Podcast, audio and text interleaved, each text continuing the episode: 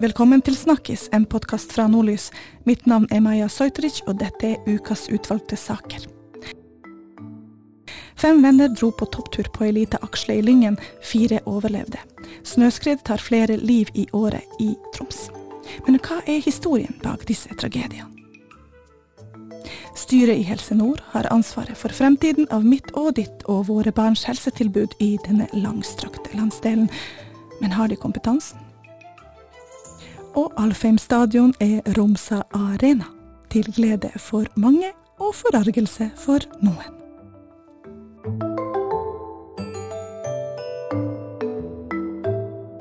Moritz lever på bilder. Han har det smittende smilet og det lune blikket som omgjengelige mennesker utstråler selv fra en dataskjerm. Men Moritz er død. Den tyske 32-åringen ble tatt av skred i de vakre Lyngsalpene i fjor. Døden ble brutal. Moritz var ikke alene. Sammen med ham var fire venner som også ble tatt av skredet. De overlevde. Skadene var brutale. Redningsoperasjonen stilte alle på prøve. Fra sykepleiere og redningshunder på bakken til det flunkende nye redningshelikopteret. Journalistene Andreas Bedari Høyer og Rune Endresen reiste sammen med fotograf Yngve Olsen til Tyskland for å få frem hele historien om én blant mange tragedier i snøen i Troms. Den dagen Moritz og vennene ble tatt av skredet, var full av dramatikk. Ja, jeg husker vel at det var en del forvirring. Litt kaotisk på nyhetsredaksjonen. Det skjedde jo flere ting samtidig. Det var to ulykker som skjedde Det var to ulykker. Cirka av samme cirka tid. samme dag. Mm. Den ene på viste seg i ettertid på Daltind, og den andre på Erik Aksla en del kilometer lenger mot nord. Mm. Og Erik Aksla eh, fremstår ikke som noe formidabelt fjell. Kan vel sammenlignes med Rødtind i, i Tromsø i, i høyde. Eh, Mm. Omkransa av de spisse Lyngenalpene så ser det ganske uskyldig og flatt ut. Det er et fjell som man vanligvis går på når det er litt dårlig vær. De fleste kjører ned en såkalt normalrute, og den skal være skredtrygg. Hvorfor ville dere gå bak dette nyhetsoppslaget og inn i historien, Andreas?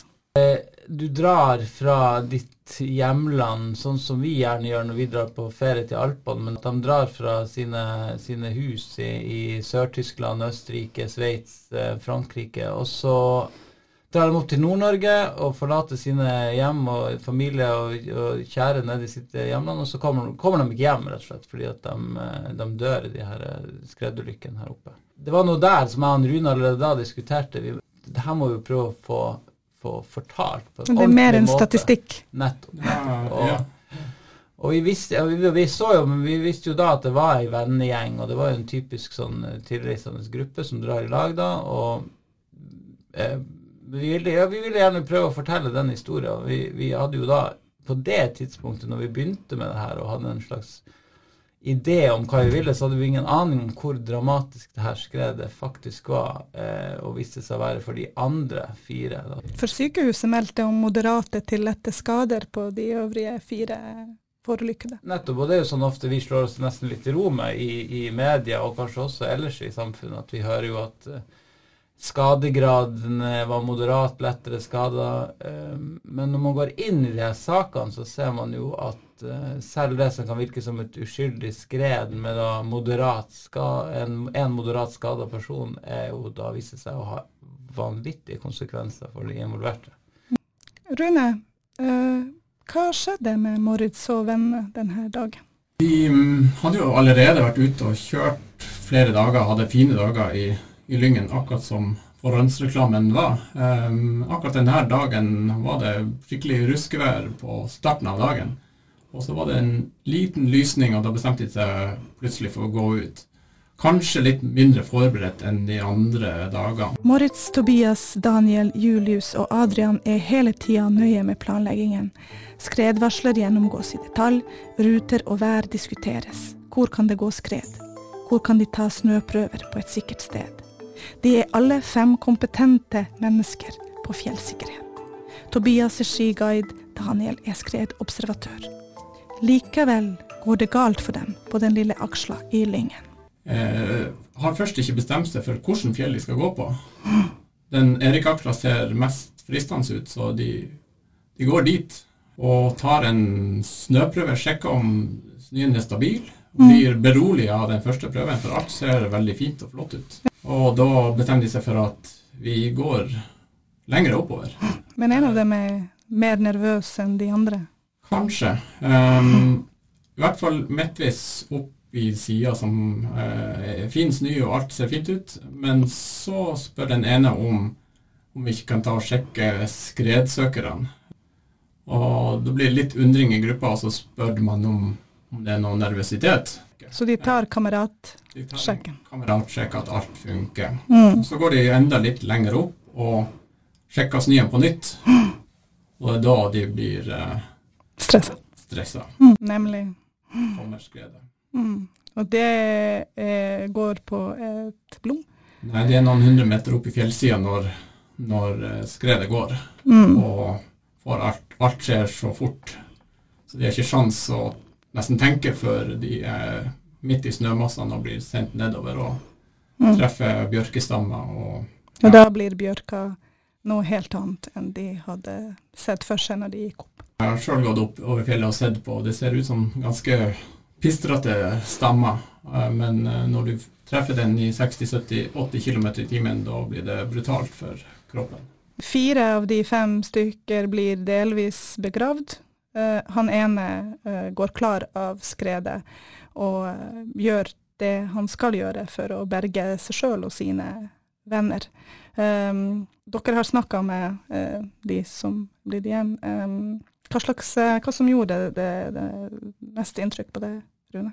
Det var veldig sterkt å møte alle, alle de som har vært involvert i skredet, og både høre på hva de fortalte om de dramatiske minuttene, og alt de tenkte, og hvor mye de bebreida seg sjøl for valgene som ble gjort, eh, og alle skadene de hadde, og alle plagene de hadde i ettertid, gjør et stort inntrykk. Da vi reiste og møtte familien nede i Tyskland, det var, det var hardt. Moritz døde, som sagt, men eh, de som overlevde, ble også hardt skada. Han ene eh, ganske kritisk. Um, Andreas, hva du tenkte på når du gikk gjennom redningsaksjonen, og når dere skrev om, om redningsmannskap og den jobben de måtte gjøre? Når alarmen går, så er det veldig mange ressurser som sendes ut. I et sånt her skred så er det, det er ekstremt vanskelig for, for redningsmannskapene. Altså, det var dårlig vær. De var allerede på en annen skredhendelse, så de måtte øh, omprioriteres fra og dra hit. Eh, Og de kommer inn i et skred hvor det er dårlig sikt pga. været, det er uoversiktlig, det er flere skadde, det er en som er savna. Det er også stor skredfare, så de kan liksom ikke sende inn alt du har av ressurser, som må kanskje ønske. da, Sende inn folk både på scooter og på ski og ned med helikopter. Men de må, de må hele tida gjøre ekstremt vanskelige avveininger. Er jo, de, er, de er jo flinke på det her og trent på det her, men er veldig ærlige på det òg, at det her, er, det her er vanskelig for dem òg. Hvem har ansvaret for at ikke flere liv skal gå tapt i skredulykker, er et spørsmål man ofte stiller seg etter slike ulykker. Kommentarfeltene legger ofte ansvaret på ofrene. Ordføreren i Lyngen føler at han er alene om en stor oppgave, og mener at staten bør hjelpe til med bedre varslingsrutiner. Hva kan gjøres?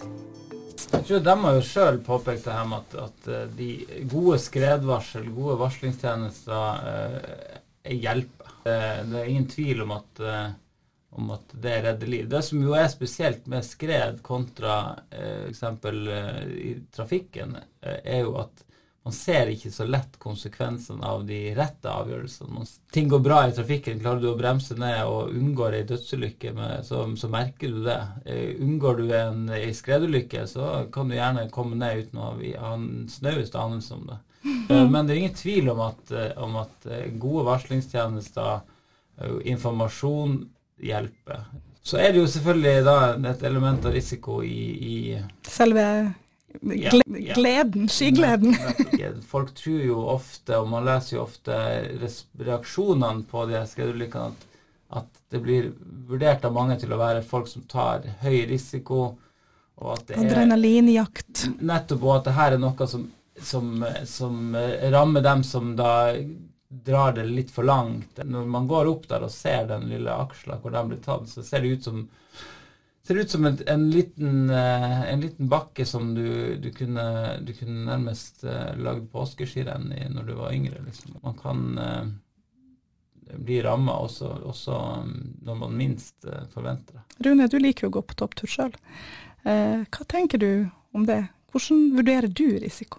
Jeg tenker jo det er en risiko når man går ut av døra. Uansett om man setter seg i bilen eller går på ski. man utsetter seg jo for risiko. Eh, så kan man vel sjøl graden av risiko. Hvis man eh, kjører på eh, fint vinterføre med gode piggdekk, så tar man jo mindre risiko enn hvis man kjører i 120 i 60-sonene mm. på sommerdekk. Mm. Det samme vil jo gjelde på ski. hvis man går under 30 grader på såkalte snille topper og, og rute som anses som trygg, så tar man jo mindre risiko enn hvis man går over 30 grader i en periode der det er meldt at det er økt skredfare. Så man velger jo risikoen sjøl. Det ligger jo litt livsfilosofi også i det, hvor, um, hvor, mye risiko man er villig til å ta for å få gode opplevelser. En risiko som dette involverer jo da også at man tar risiko på vegne av redningsmannskapene. Og folk i her området diskuterer de her sakene ganske heftig når de skjer, uh, på bakgrunn av akkurat det igjen sammenlignet med bilulykker, så er det mildere kommentarfelt der, selv om det kan være en, et dårlig valg av sjåføren i bilulykka, like mye som det var et dårlig valg av, eh, av han som gikk opp i fjellet, akkurat litt før dårlige forhold. Så kommentarfeltet er hardere mot eh, skikjørere, selv om det ja, kanskje beslutningen var like dårlig i begge tilfellene. I 2022 ble tolv personer drept eller hardt skada i skred i fylket. De 43 dødelige skredulykkene i Norge de siste åtte årene skjedde alle i en akse mellom Kattfjordeidet på Kvaløya, Lyngsalpene og Kåfjorddal. Hva håper dere at folk får med seg når de har lest disse reportasjene om den skredtatte kompisgjengen? Jeg håper jo at man, man eh, får et innblikk i de voldsomme konsekvensene et sånn her skred kan ha, men også litt det vi er inne på, at man kanskje bidrar til en litt sånn større forståelse for hvor lite givende det er å drive med sånn her, å, ettergå valgene som blir tatt, og, og prøve å liksom overanalysere og prøve å peke fingre mot, mot uh, skikjørere som bare tross alt ute etter uh, gode opplevelser i fjellet. Vi skal jo unngå at vi både, både skremmer folk fra å bruke fjellet, og, og, at vi driver med noe sånn i etterkant pekefingermentalitet uh, mot dem som faktisk ender opp å stå i sine livs verste kriser når de her lurer kan inntreffe.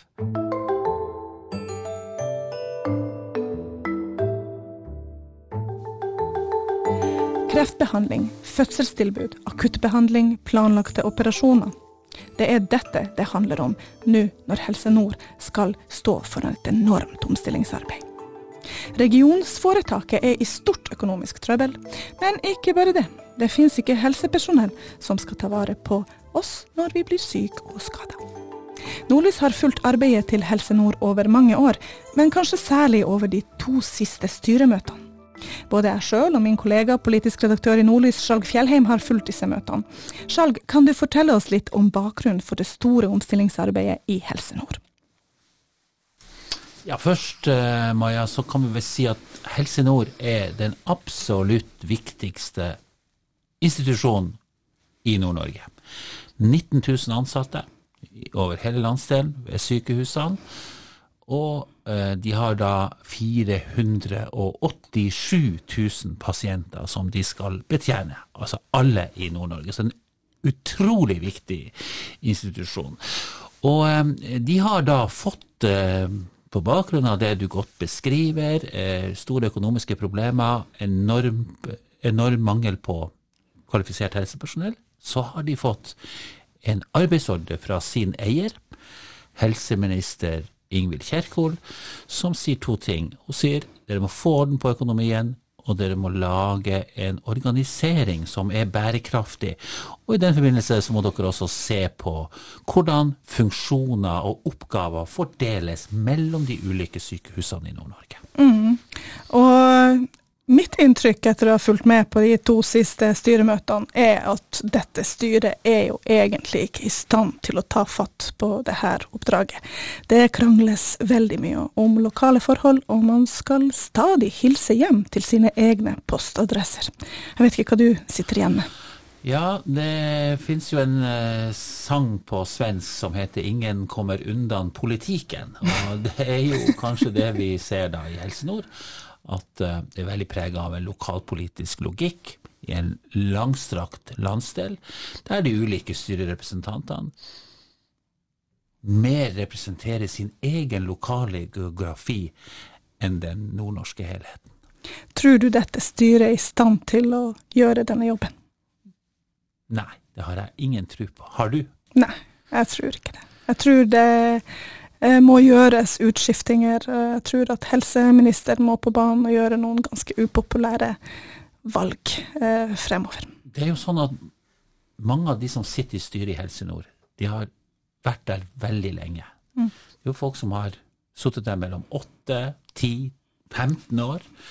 Eh, og det er klart, Da sementerer du en logikk som kanskje ikke er helt up to date når det gjelder den krisa som Helse Nord befinner seg i. Så man, man kan vel kanskje si at av hensyn til den nordnorske pasienten, mm. og fremtidige nordnorske pasienter, så er det viktig å få uh, inn ny, moderne kompetanse i dette styret i Helse Nord, og også folk som ikke er så opptatt av gamle maktkamper, gamle rivaliseringer mellom ulike regioner i Nord-Norge. For vi er jo én region når det gjelder helse, når det gjelder finansiering, når det gjelder hvordan vår sentralmakt ser på oss, så er vi jo en eh, region. Lokale kamper kan man eh, gjerne ta, men kanskje ikke rundt styrebordet til Helse Nord. Nei, man bør jo helst unngå det. Men så er det en elefant i rommet i, i det nordnorske helsevesenet. Og den elefanten den er rosa, og den heter Universitetssykehuset Nord-Norge. Mm. Og mye av diskusjonen handler jo om hvor mye bedre enn de andre enn de andre sykehusene kan man tillate at universitetssykehuset blir. Det er jo også et regionsykehus for hele den nordnorske landsdelen. Og det kan jo kanskje virke sånn noen ganger at i Nord-Norge så syns man det er bedre å ha elleve middels gode lokalsykehus fremfor ett sykehus som er ganske mye bedre enn alle de andre. Det ligger litt, liksom litt i den nordnorske genetikken. Det så eh, man jo sist på det siste møtet nå i onsdag denne uka at det var jo mye større interesse for å debattere lokale akuttilbud, heller enn å debattere og diskutere hvordan man skulle løse veldig alvorlige utfordringer eh, regionen har med å behandle folk for kreft, for å utføre planlagte altså operasjoner, psykiatrien, som er også i en ganske prekær situasjon, og som da tillegger da de store sykehusene som har et landsdelsansvar. Ja, Det mest fornuftige virker jo å være at man driver med høyspesialisert medisin i Bodø ved Nordlandssykehuset og i Tromsø ved Universitetssykehuset. Eh, men veien dit er veldig veldig vanskelig, for som vi har snakka om, det er mye lokalpolitikk inne i bildet her. Så det er mange sterke krefter som kjemper imot dette. Så hvordan dette utvikler seg videre, det skal bli veldig veldig spennende å følge med på. Det er i hvert fall noe som jeg og du og andre som er opptatt av politikk og samfunn i Nord-Norge, eh, kommer til å få mye befatning med de neste månedene. Og også våre lyttere som også kanskje skal oppdra en familie i denne landsdelen som ønsker å ha en god, likeverdig og eh, bra helsetilbud for alle. Ja, og vi må jo unngå å komme tilbake dit vi var i denne landsdelen når jeg vokste opp på 1970-tallet. Det er lenge siden, men da var det sånn at alle i Nord-Norge som ble alvorlig syke, de måtte sette seg på et fly og dra til Trondheim, til Bergen, til Oslo for å få høyspesialisert behandling. Eh, og hvis vi ikke nå får orden i det nordnorske helsehuset, så er det der vi havner nok en gang. Da må mine og dine barn ta den lange reisen ut av landsdelen for å, for å få eh, behandla alvorlige sykdommer. Eh, så det er veldig, veldig mye som står på spill her for Helse Nord. Jeg fikk kaffen i halsen da jeg leste avisa i morges, skrev en. Eh, en annen mente det var på tide at et, eh, en stor møteplass som eh, en stadion i Tromsø fikk et samisk navn. Det er selvfølgelig snakk om Alfheim stadion, som nå skal hete Romsa Arena. Og det har vekt massevis av forskjellige reaksjoner, både hos oss i Nordlys, men også på TIL sine sider på sosiale medier. Med meg har jeg sportsjournalist Anders Mo Hansen, som er sportssjef i Nordlys og har fulgt til i mange, mange år. Eh, Anders, hva betyr dette navnebyttet for klubben TIL?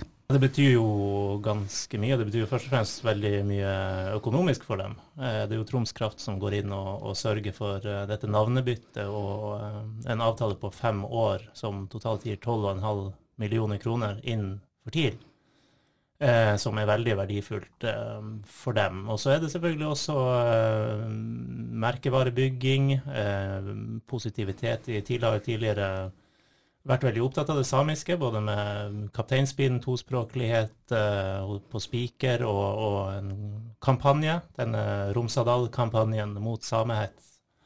Um, og dette navnebyttet er jo med på å forsterke det. Det er en videreføring, kan man si, av det. Så det er jo masse positivt her uh, for tiden. Absolutt. Mm. Og mange vil også si det er veldig positivt for Tromsø by. Ja, absolutt. Og så er det, det Det er jo et merkevarenavn. Altså, det er jo et navn. Man endrer på navnet. Eh, et navn som har vært der i alle år. og vi har akkurat vært ute på en, en runde i byen og snakka med en del folk. Mange sier jo at man kommer fortsatt til å kalle det for Alfheim. Det, det heter Alfheim. For det finnes jo veldig mange rare navn på stadioner i dette landet. Det er jo både Color Line Arena og Intuitive Arena og eh, Ja, det er mye forskjellig. Går du til utlandet, det er enda mye mer rart. Få høre. ja, det er mye spesielt, men uh, jeg har et par favoritter. der. I England, uh, York hadde i hvert fall en stadion som het KitKat Crescent heter sjokoladen. Men uh, favoritten er vel kanskje i Skottland, Livingston FC uh, sin uh, Tony Macaroni Arena. Så vi er litt glad for at TIL ikke har, har havna helt der, at man er på, på et lignende Quick Lunch Stadion. Ja, for eksempel. Men det har jo selvfølgelig eh, ikke bare vært positivt. altså Folk har, føler jo veldig sterkt for Alfheim stadion som navn. Det er nok det som, som, speiler seg i det mange sier nå, at de, de kommer jo fortsatt til å si at jeg skal på Alfheim på kamp. Eh, så eh, det her navnet vil jo selvfølgelig det, det, havner på veggen på stadion, det kommer til å bli brukt. Det, det, det skal inkorporeres, og, og, du har rettighetshavere som, som sender TV 2 i år da, som, som uh, sikkert kommer til å bruke det navnet. De sier, sier, nok det, at de skal se bilder fra kampen mellom TIL og Bodø-Glimt på Romsa Arena. Eh, og det, det, tar jo tid å jobbe inn sånt. Og så er det litt sånn Området heter jo Alfheim. Mm. Eh, det er jo et stedsnavn som, mm. som, man nå endrer til da Tromsø Arena på samisk. Romsø Arena. Så mm, jeg tror det, det er kanskje en tung pille å svelge for mange, og så vil det ta tid å jobbe det inn. Og så var jo du innom disse kommentarfeltene der man ser at det kanskje var en, en veldig tung pille å svelge for, for, mange, men jeg vet ikke hvor høytidelig man skal ta alt det. Om fem år kan det komme en ny sponsor som eh, ønsker å reforhandle det her eh, navnet. Eh, for det her er jo veldig tungt knytta til Troms Kraft, altså en mm. kraftleverandør. Der eh, sporer du inn på noe litt spennende. altså En del sånn fra TIL sin side, så de har nevnt Globen i Stockholm, som det var vel i 2021 det skifta navn til Avicii Arena, med fokus på mental helse og alt sånt, at, at de ønska seg gjerne noe sånt, noe som hadde en, en symbolbetydning, fremfor Troms Kraft Arena eller uh, mm. Coop Nord Arena, eller, eller hva det nå skulle hete. ja. Um, så, så den, den, ser jeg jo. Um, men så er du jo innom dette at dette er, det er en kraftleverandør mm. uh, som bygger ut en del i nord. Det skal bygges litt vindkraft. Det er noen interessekonflikter med mm. reindrift og samer her. Mm. Er de inne her og kjøper seg litt goodwill? Mm. Skal vi ta frem ordet sportsvasking? Nemlig. Eller som mm. en kollega kalte det, reinvasking? altså, det er, jo, det er jo en tung ironi i det hvis TIL, som var en pioner i kampen mot sportsvasking blant fotballklubber i verden, Eh, Med tanke på Qatar-VM. ja, Ja. hvis de nå på en måte er en, en slags eh, brikke i, i noe sånt. Mm, Og en, en kraftutbygging, vindkraftanlegg i Nord-Troms, der er mange reindriftsdistrikter, kan jo fort vekke noen konflikter som eh, kanskje uforvarende blir kobla til Romsa Arena, da. Mm. Og så har vi jo da sett, eh, du nevnte jo kommentarfeltene eh, som raskest. Eh, vi, vi har jo måttet røkta litt i Nordlys. Eh, eh, Samehetsen dukker opp. Eh, ikke store mengder, men likevel. Eh, det er jo selvfølgelig helt uakseptabelt. Um, har eh, TIL opplevd noe av det samme? Ja da. Eh, og så er det, som du sier, jeg vil vel si at det er et fåtall av det, de tingene som er skrevet som, som er direkte hets, og, og man bare måtte fjerne, som vi da har gjort i noen tilfeller. Eh, men det som viser seg, i hvert fall i våre kanaler nå, Hos TIL er det vel litt sånn delt, men de har også fått en del negative meldinger. De kontra veldig fint på en, forresten. Det var en, som skrev noe sånn 'ja vel', og så var det sånn klovnefjes, og da, da har i hvert fall jeg sett min siste kamp på Alfheim stadion. Og så svarte til bare 'ja, det har vi vel alle'. Det heter jo ikke Alfheim stadion lenger. Nei, det gjør jo ikke det. Eh, nei, det var det jeg skulle si, at, at selv om akkurat det, det som går langt over streken er, er i mindretall, så, så er det jo definitivt et flertall av kommentarene som er, som er negative. Det er mye sånn 'er dette 1. april', og 'Gud bevare meg vel', og altså ikke direkte hets, men, men en klar negativitet rundt det. Så er det jo den store endringssmerten. Når Ja. noe man har kjent til hele livet, blir uh, Ja, forandra. ja, klart. Og det har vi også snakka mye om her og på runden vår i byen, at eh, man sier jo, nå for så vidt det er også et, et merkenavn, men, men man sier jo fortsatt SAS-hotellet. Det heter jo ikke det lenger. Det er masse sånne navn rundt i byen der man fortsatt bruker navnet som var fra gammelt av. Og nettopp derfor tror jeg det her blir veldig vanskelig og tungt å, å snu helt til at folk nå skal si nei, jeg skal på Romsø Arena på kamp.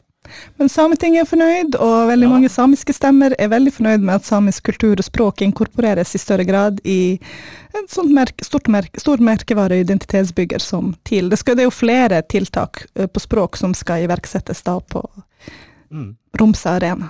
Ja, ja, det er jo, ja vi snakker om eh, mer utvida skilting på samisk, eh, fortsette med dette med tospråklighet i spikertjeneste, og det var vel også snakk om å servere noe samisk mat i kioskene, kanskje. Mm. Eh, så det er noen som kanskje tenker da, ja, ok, går man kanskje litt langt her? Mm.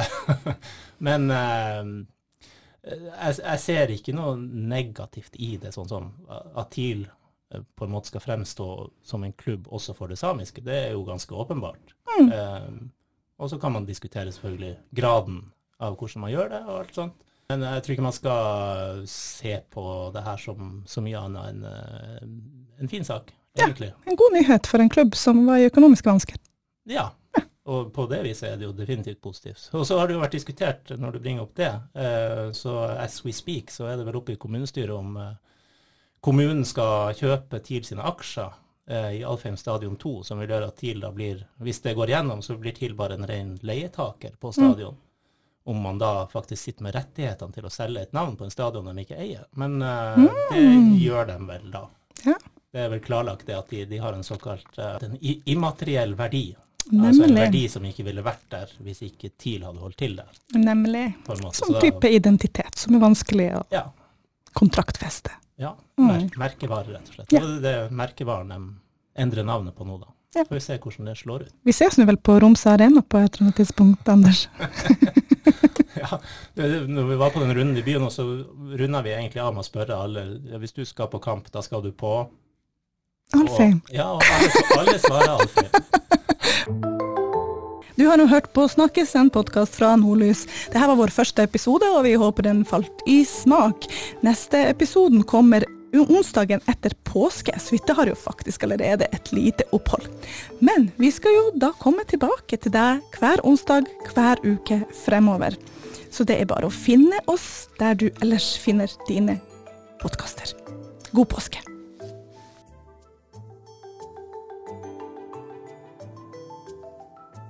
Har du et enkeltpersonforetak eller en liten bedrift?